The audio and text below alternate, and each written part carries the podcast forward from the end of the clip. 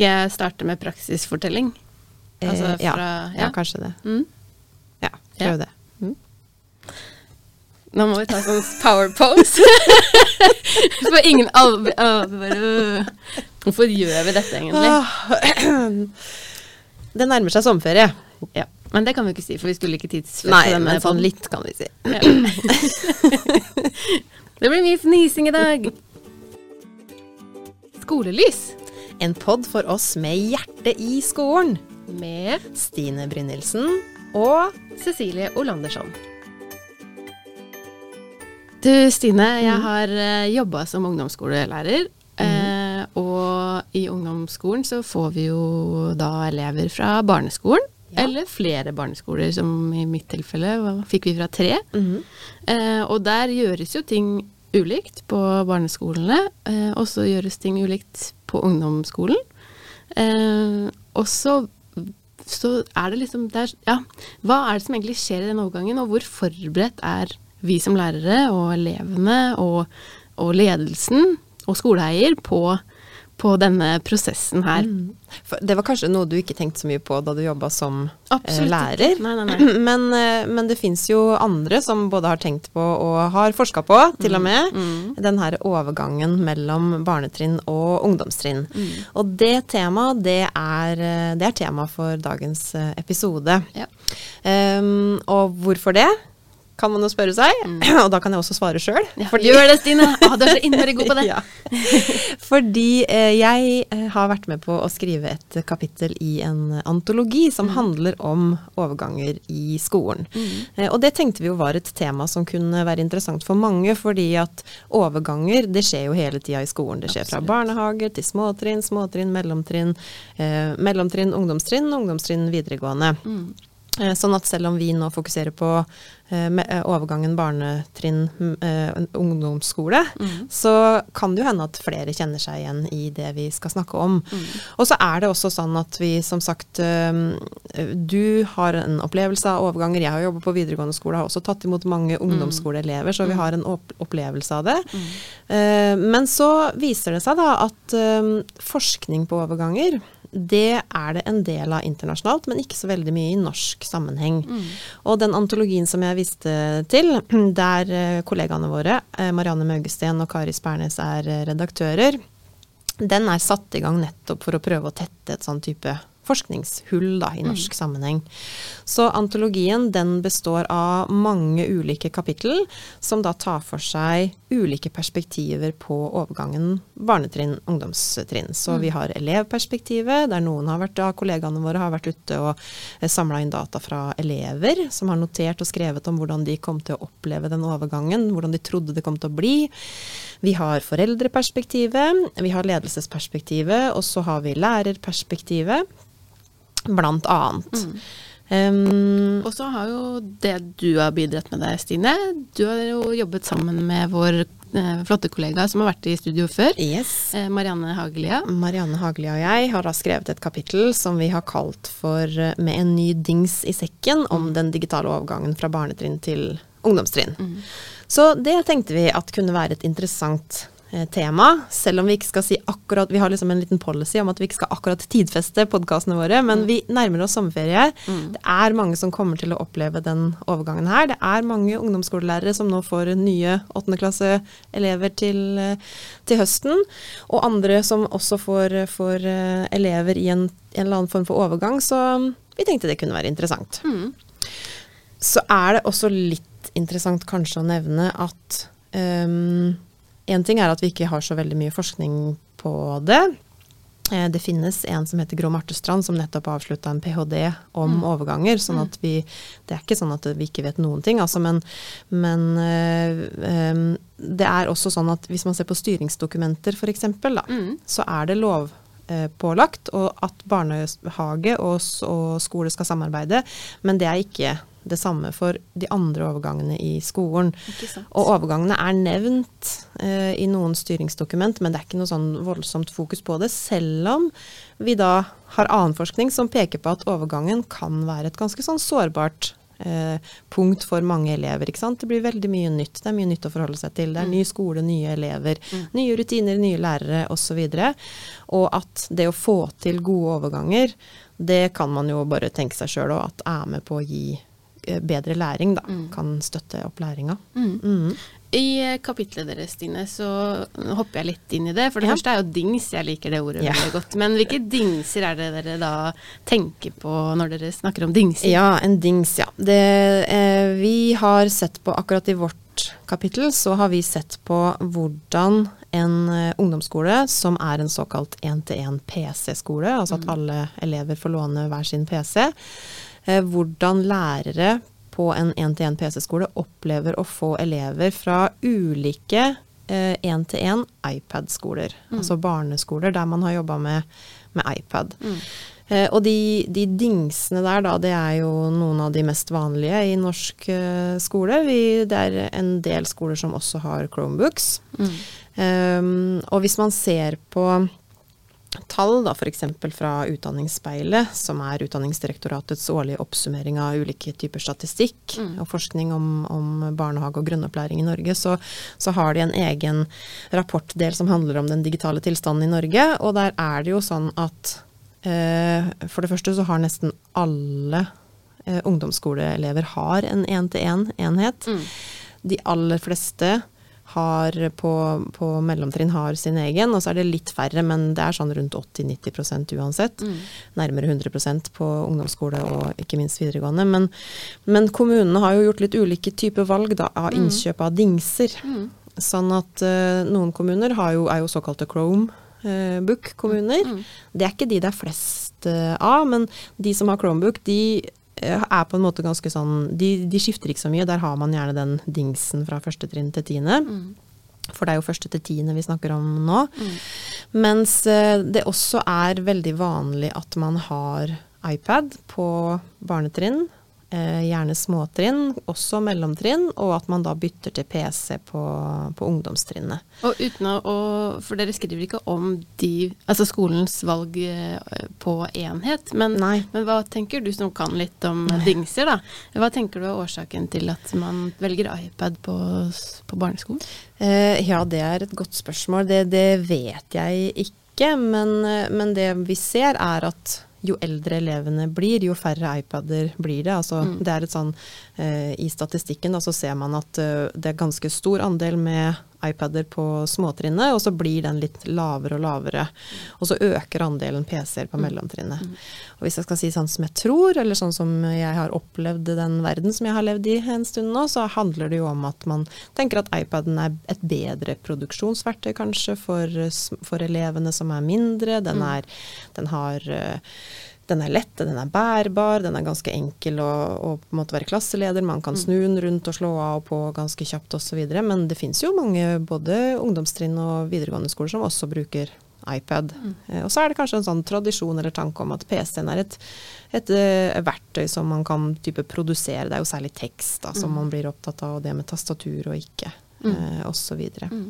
Jeg husker faktisk at da vi da barna var små, og mm. vi lurte på om vi skulle kjøpe en dings til de, så var det en eh, sånn snakkis blant foreldre at det kan være lurt å velge iPad fordi det bruker skolen, og da kan man det når man kommer til skolen. Apropos overgangen. Ja, ikke sant. Ja. Nei da. Men det, det, er i hvert fall et faktum at av, jeg tror det er av Norges ca. 100 største kommuner, så har omtrent 50% de bruker samme dings hele mm. tiden, mm. mens 50% ca. Eh, bytter et eller annet sted, da. Mm. Eh, og da er det gjerne fra iPad til PC på ungdomstrinnet. Mm. Og så, så, Marianne Haglia da, og kollegaen min og jeg, vi, vi ble jo nysgjerrig på det her. Ble, mm. For det første så ble vi invitert til å være med inn og skrive i den overganger i skolen-antologien. Eh, og så tenkte vi ok, hva er det som vi tenker er interessant, eller hva er det vi er nysgjerrig på? Mm. Hva er det vi ikke vet så mye om? Og da, i hvert fall så vidt vi vet, da, så er det eh, veldig lite. Vi fant ikke noe særlig i det hele tatt på at man har sett på hvordan eh, den overgangen fra en type iPad eller én-til-én dingseskole til den annen eh, blir. Mm, og det er jo veldig interessant i seg selv, fordi at dette er jo noe som vi har stått i eh, lenge, ja. den overgangen der, mm. uten at det kanskje har blitt eh, eksplisitt påpekt, Ja. eller i hvert fall i forskningen. Mm. Og jeg husker jo at jeg har tatt over åttende trinn og tenkt Uff, disse elevene, de kan ikke lage navn på dokumentene sine på PC-en. Mm. Eh, De sitter og trykker med pekefingrene, og, eh, og de har ikke noe mappesystem. Og så, så vet jeg at det er ikke sikkert at alt dette behøves, eh, at man lærer seg mappesystem. Men, men jeg husker veldig godt den overgangen, Mm. selv om det ikke ble egentlig snakka noe om sånn med sjuendetrinnslærerne, eller med på systemnivå, da. Og så er det jo også sånn at eh, eh, jeg tror, eh, i hvert fall min erfaring er, at eh, innkjøp av enheter kanskje har skjedd litt. Litt hulter til bulter i mange tilfeller, at man har handla inn og det har vært gode intensjoner bak, men kanskje ikke noen tydelige strategier eller noen veldig sånn Altså ting har jo skjedd veldig, veldig fort Mm. eh, i løpet av de siste åra. Sånn at det kan jo også være at det er litt tilfeldig at man har endt opp med det ene eller det andre. Og noen kommuner da, har man jo også ulike typer dingser Mm. innafor kommunen også. Mm. Eh, så, men i hvert fall, da. Det, det som vi som sagt ble nysgjerrig på, det var jo det som jeg nevnte i stad. Å, finne ut av ok, hvordan er det lærerne opplever det her. Mm. Dere har fått lærere til å beskrive denne Ja. overgangen. Vi har fått lærere til å beskrive det. Og så kan Mm. man jo kanskje tenke seg at man kunne jo ha hatt 100 andre perspektiver på den overgangen. Man kunne ha snakka med skoleledere, med skoleeier. Vi hadde et ønske om å snakke med elever, eh, og det kanskje det kan bli neste, neste runde. Altså Mm. hvordan er det elevene opplever det. Mm. Eh, men det som vi landa på, da, grunnen til at vi tenkte at vi har lyst til å snakke med lærere, det er jo fordi at eh, igjen i en tid der det er mye debatter om skjermtid og Mm. digitalisering og effekt og læring osv. osv. Mm. Og der noen på den ene sida sier at vi vet altfor lite, eh, mens andre sier stopp, vi vet faktisk en god del. Det har f.eks. kommet en stor rapport som heter Grundig-rapporten, som har oppsummert masse masse kunnskap om digitalisering i skolen. Det er klart det er mange ting vi ikke vet, men uansett da, så lander det veldig ofte, om man har et positivt eller negativt perspektiv på det, så lander det veldig ofte på læreren. eh, Fordi det er jo det som læreren gjør i klasserommet, som, eh, som er avgjørende.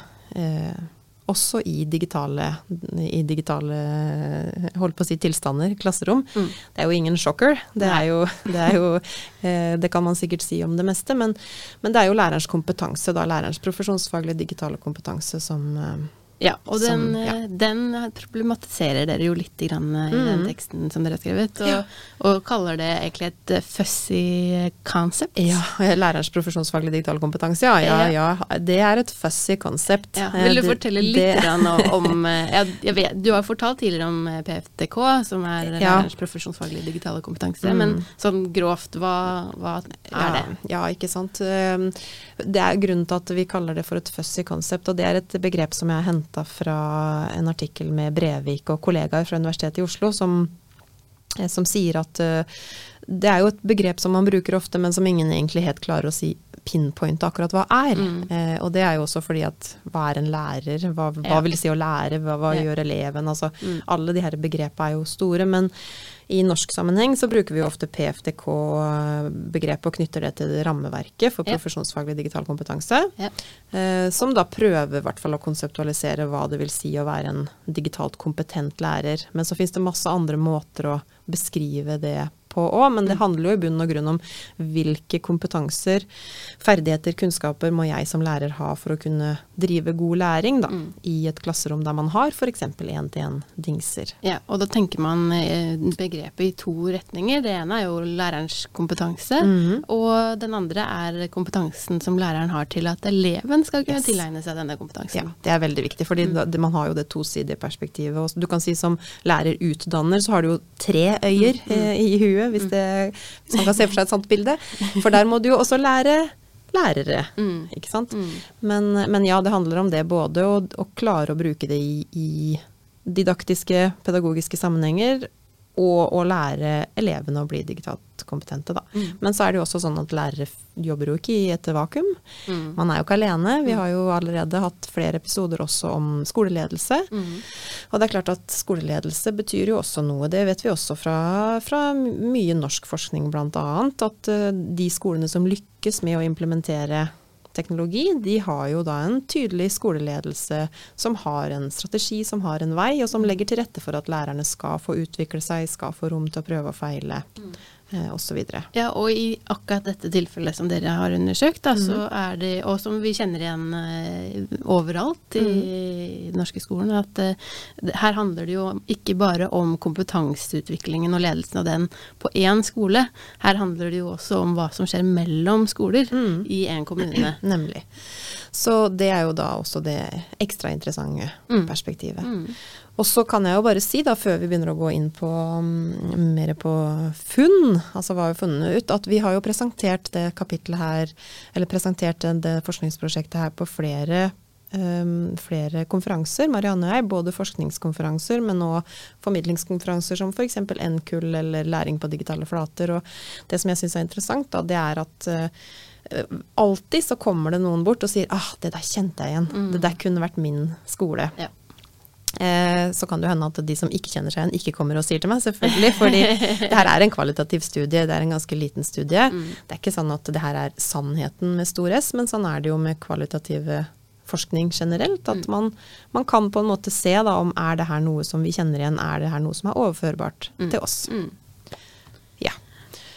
Så ja, hadde du Jeg en tenkte tanke? sånn eh, overordna, vi snakket Mm. litt om uh, styringsdokumenter tidligere, men eh, LK20 Mm. Hva sier egentlig LK20 om hva elev, lærer, skole og eier hva, I forhold til digitalisering og Ja, altså mm, LK20 har jo selvfølgelig eh, digitale ferdigheter som grunnleggende ferdighet. Mm. Det har det jo vært siden 2006 Mm. som en av de fem grunnleggende ferdighetene, som, som jo selvfølgelig er noe som elevene skal oppnå, først og Mm. fremst, Mm. men som lærere i alle fag skal legge til rette for.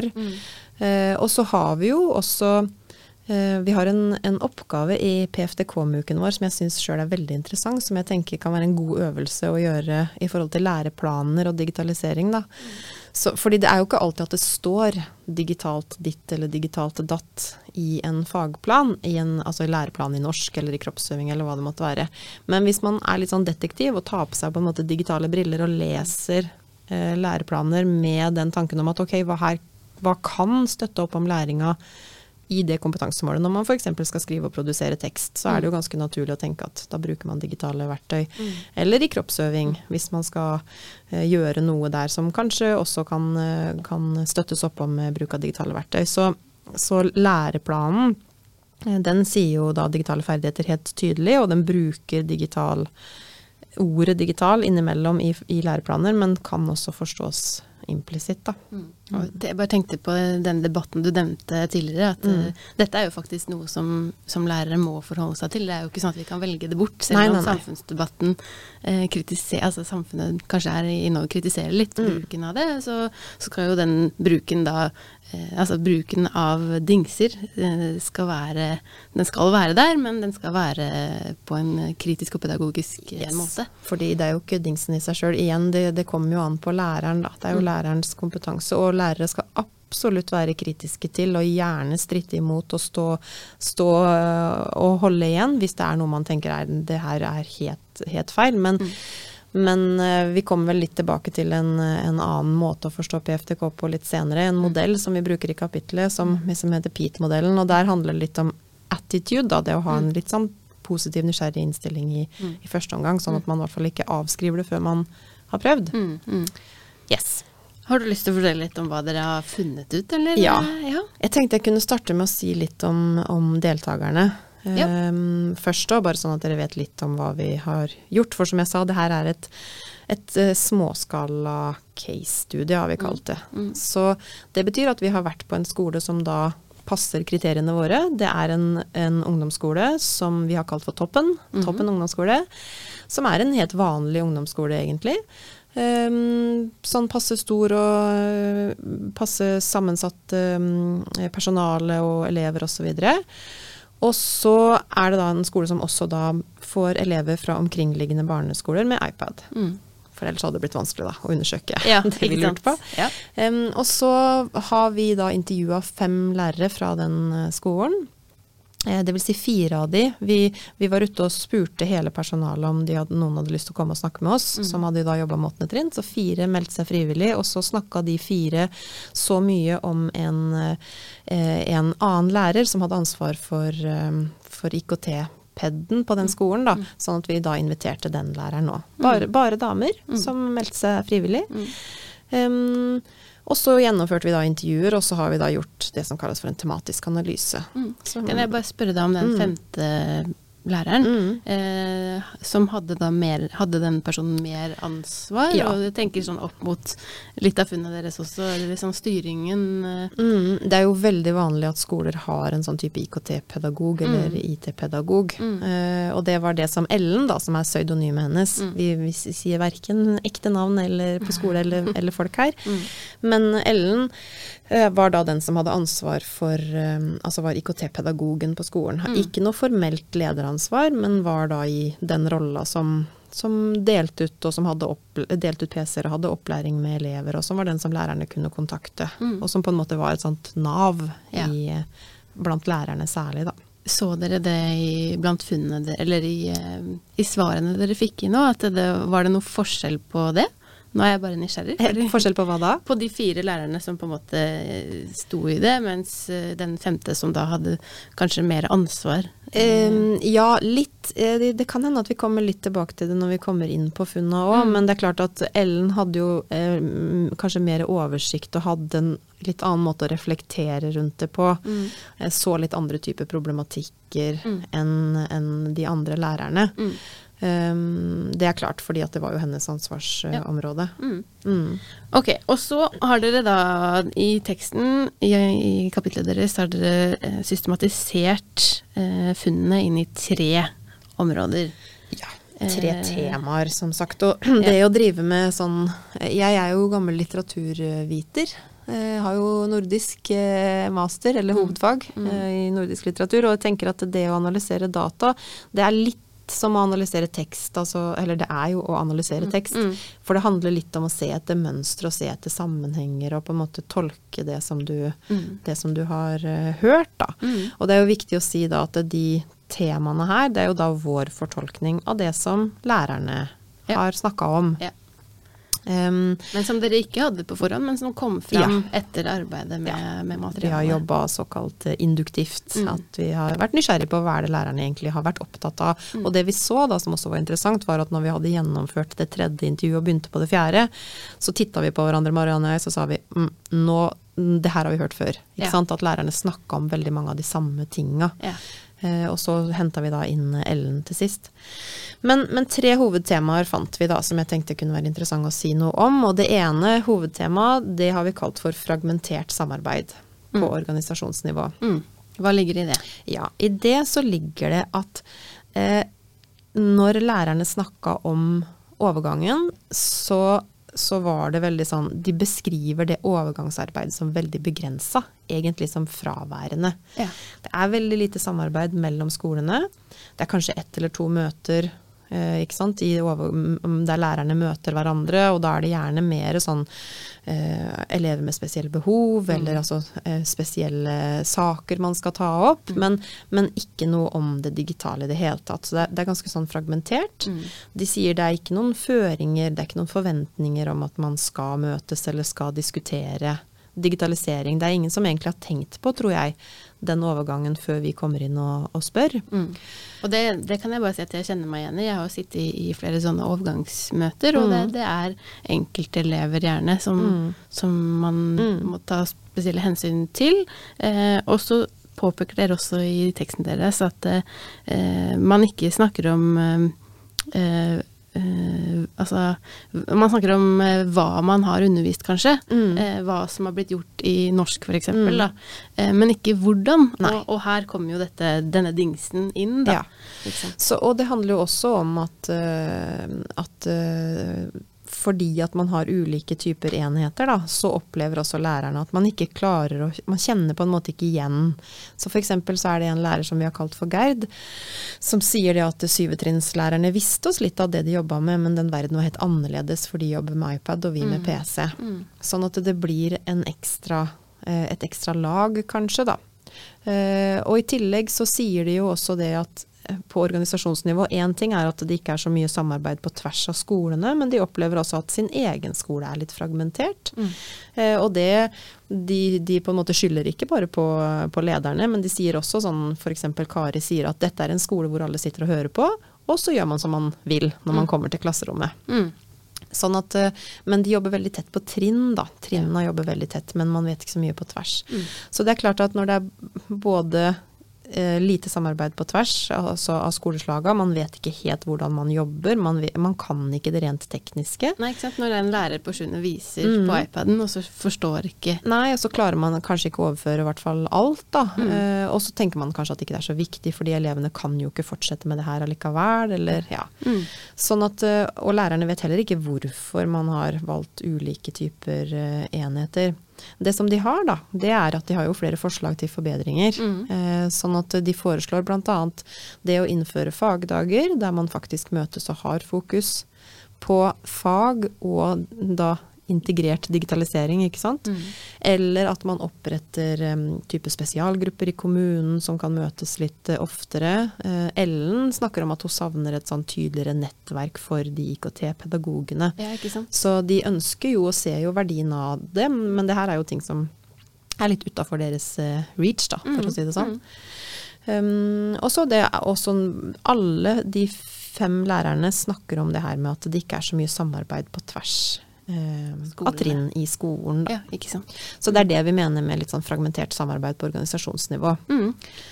Så kommer man over på det andre funnet. Ja. Eh, det kaller dere for læreren som problemløseren. Ja, fordi det, og det temaet her tenker jeg også er, eh, er veldig interessant. Da, fordi at selv om lærerne opplever å jobbe i et litt sånn fragmentert eh, miljø kanskje, så er det liksom de bretter opp ermene. Mm. Det her ordner seg. Det her ordner vi. Sånn er jo lærere. Sånn er jo lærere. Eh, sånn at det, lærerne både får og tar mye ansvar alene og på trinn. Mm. Jeg opplever at de ikke er De opplever eh, Eller de snakker veldig lite egentlig om lederne sine i intervjua. Mm. De snakker mye om seg sjøl og om kollegaene sine, men veldig lite om ledere. Ja. Og de setter jo pris på den autonomien, men de ønsker òg å få hjelp, da. De ønsker også å få, få føringer Ja. for at elevene ikke minst skal få et likeverdig tilbud. Mm. Fordi som Ellen f.eks. sier, da, som vi siterer eh, i, i intervjuene, er jo, eller fra intervjuene, er det blir jo feil for elevene at de skal ha hermetegn uflaks med lærerens digitale kompetanse. Mm, og det skriver dere også bare for å ha sagt Eller vet ikke om du sa det i stad, men, Mm. men disse fem lærerne har eh, Dere beskriver at de har litt ulik kompetanse. Ja. De fleste har sånn grei oversikt, og én forteller at eh, hun ikke har så Ja. god innsikt Ja. i, og kompetanse på IKT. Ja. De, de har sånn middels til over middels, og så er det en som, som opplever at hun klarer seg greit. Det er da den som vi har kalt for Gerd. Mm.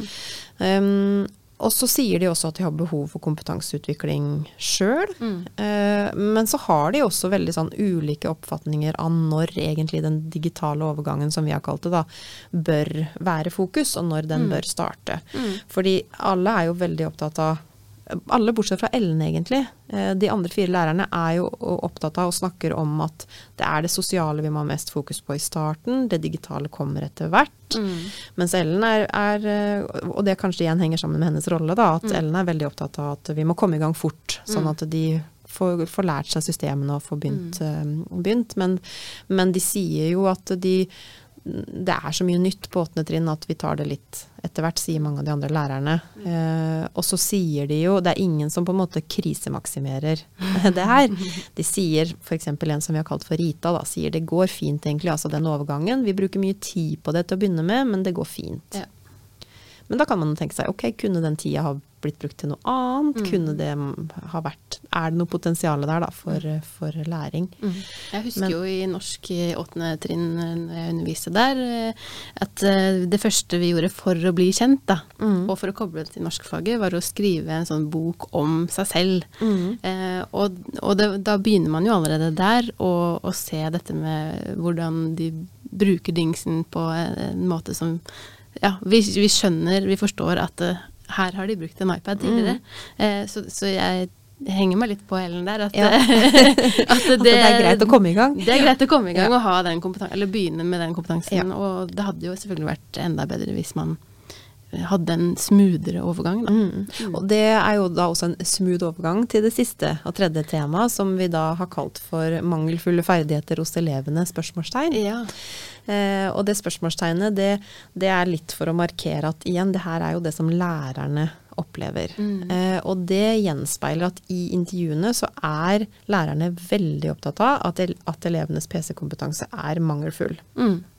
Eh, og de har en sånn oppfatning av hva som på en måte er riktig kompetanse da på mm. ungdomsskolen. Og det er PC-kompetanse som er litt det riktige. Ja, Og gjerne så har de jo da hatt tiende trinn året før, ja. og de er drevne og har gjort eksamen Ik og ferdig med det. Ikke minst, ikke minst. Så, men de sier også at de opplever at det er større forskjell. F.eks. For så sier Ellen at jeg har sett at de som har hatt iPad nå hele veien, de har større hull. Lærerne har trodd at de kunne det de kunne før, da de hadde litt PC på skolen. Mm. Eller ehm, eh, de, de, beskriver sånn at de, de, har jo ikke sett en PC noen gang, ikke sant. Mm. Um, og det her med å gi de, Lærerne gir på en måte ikke så mye verdi, da, sånn sett, til den Fordi når elevene har jobba med iPad i tre-fire år, eller hvor mange år de har, eh, har jobba med det, så det er klart at de har digital kompetanse, men de mm. har ikke ungdomsskolerelevant digital kompetanse. Mm. Så f.eks. Kari, som er en av, den, en av, disse lærerne, sier at når de kommer til oss, så bruker vi ikke noe av det der, mm. altså iPad. Mm. Det er akkurat som de ikke kan noe digitalt når de kommer til oss. Ja. Så det, det syns jeg var veldig spennende, da. Ja. Uh, ja. og det, som det, hun egentlig mener, da, er jo at de, de kan jo helt sikkert noe, men, men det, det, er ikke akkurat det hun kunne ønske at de kanskje kunne. Nei, ikke sant. At det er på en måte ferdigheter som ikke som ikke man har så mye brukt for, kanskje, da. Mm. Men nå skal det sies at, at, skolen har, altså Ellen har også lagt prøvd å legge til rette for at elevene skal kunne F.eks. har de kjøpt inn PC-er med video for at mm. elevene skal kunne filme og touchskjermer osv. Mm. Noen PC-er, ikke alle, men noen, men, men, elevene bruker ikke det i så stor grad heller. Men det handler kanskje også mye om at fordi vi spurte alle lærerne men snakker du med elevene, har du spurt elevene om hvordan de jobba før, hva de kan, hva jo brukte de iPaden til?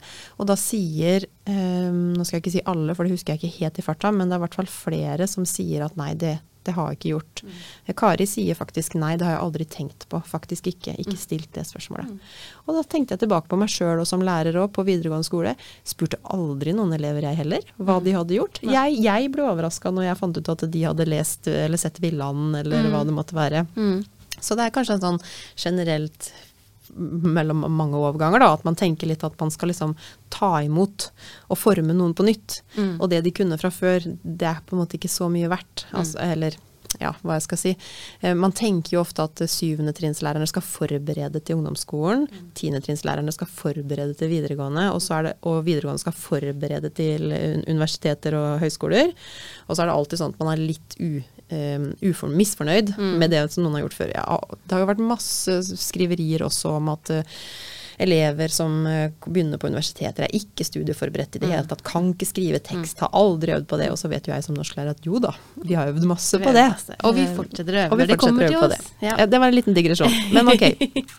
Det som lærerne er veldig opptatt av, da, det er jo rent sånn konkrete, praktiske ting som å kunne logge seg på, lagre dokumenter, systematisere i mapper altså mm. ferdigheter som lærerne opplever er veldig viktige. Mm. Men som man jo kan stille spørsmålstegn ved om, om faktisk er eh, viktige. Mm. Eh, eller om det er noe som lærerne gjør av fordi at man tar utgangspunkt i det man sjøl kan, da.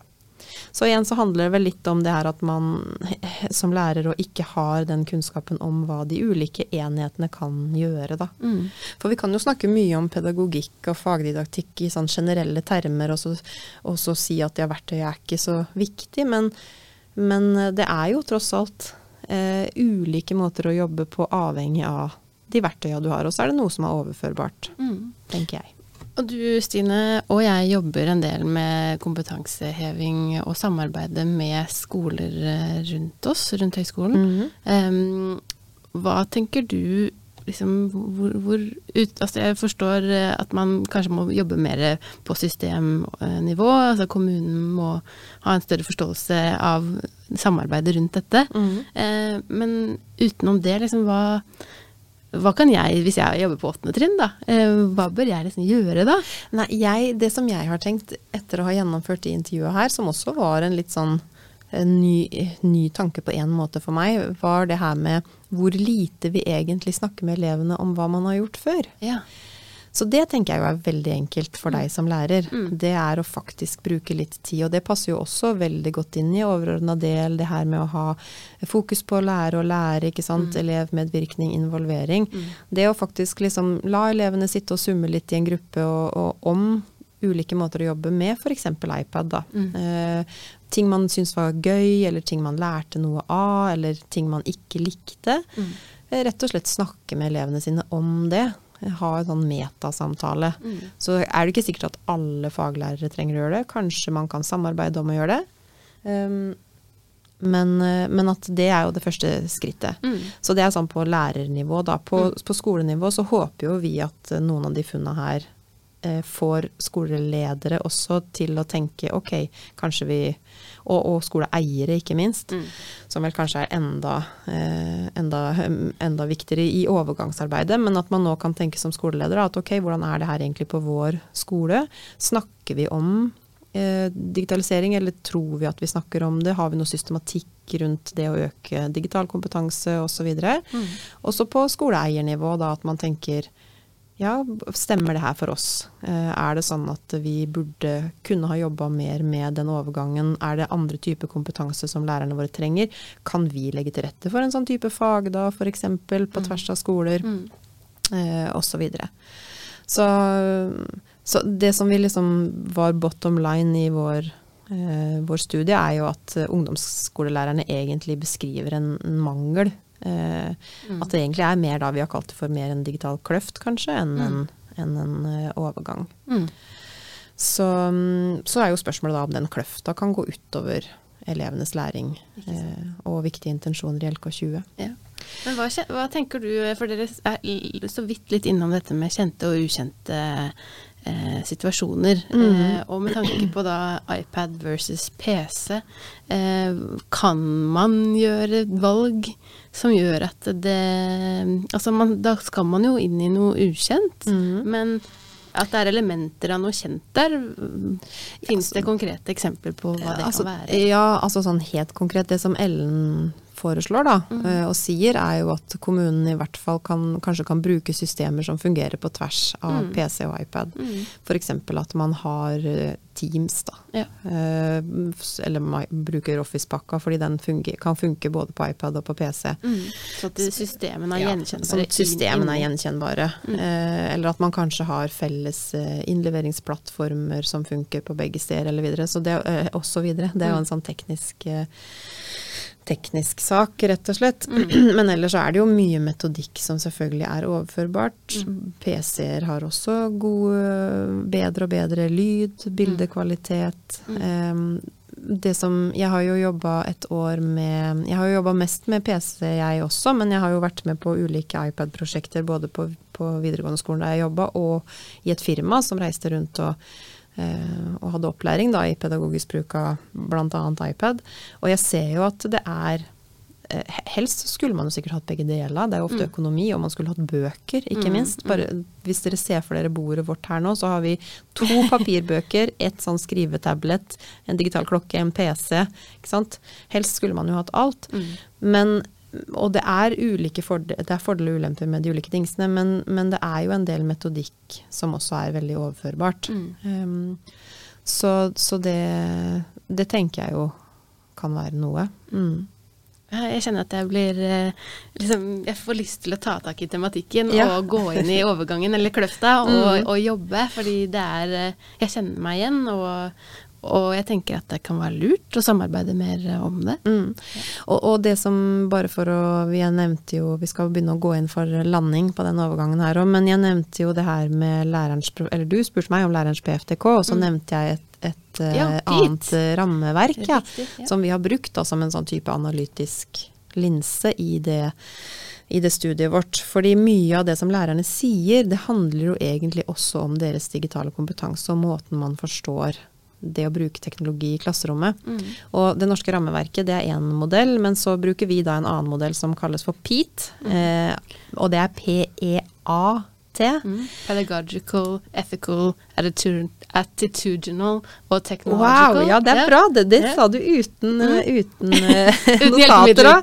Eh, og det er noen forskere, blant McDonagh eh, og McGar og, og flere forskere som da har lagd et sånn type rammeverk basert på mange andre rammeverk da, som de har sett på. Mm. Og, og den, eh, hvis man kjenner TPAC, så kan det kanskje ligne litt. Altså det har den her pedagogiske dimensjonen, at man selvfølgelig skal bruke de verktøya i pedagogiske sammenhenger. Det skal jo støtte opp om, eh, om læring Mm. i fagdidaktiske sammenhenger. Og så har man den tekniske dimensjonen.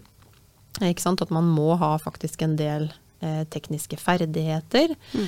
eh, og kunnskaper. Det gjør det i hvert fall mye lettere.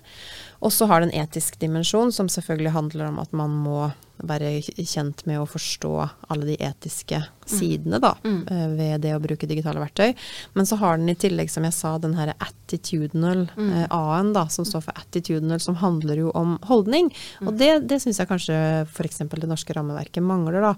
Det her med at man må Så kan man tenke seg, er det en ferdighet å ha en holdning? Men, men det har en attitudinal dimensjon, da. Mm, mm. Sånn at hvis man skal klare å utvikle de andre områdene, så må man jo være litt nysgjerrig. Man, man kan ikke være helt sånn låst fast i gamle praksiser. Man må ha lyst til å undersøke litt, være litt nysgjerrig på det som, eh, det som eh, blir gjort. Og det er jo kanskje noe som både de lærerne her, men jeg tror mange andre, som jeg sa, i, i ulike typer overganger, at man kan være litt nysgjerrig på hva man driver med andre steder òg, og ikke da på en måte bare i anførselstegn tenke at vi, når de kommer til oss, så skal vi brette opp ermene fordi vi har svaret, men at man er litt nysgjerrig på hva man driver med på tvers, da. Mm. Mm. Og den nysgjerrigheten, den, den tar vi med oss. Ja. Veldig spennende å høre hva dere har drevet og forska på. Og jeg håper og tror at dette er verdifull eh, kunnskap for, eh, for flere enn oss som sitter her. ja, det håper jo, eh, håper jo jeg òg. Absolutt. Takk for i dag, Stine. Ja, takk for nå. Skolelys En pod for oss med hjerte i skolen. med Stine Brynildsen og Cecilie Olandersson.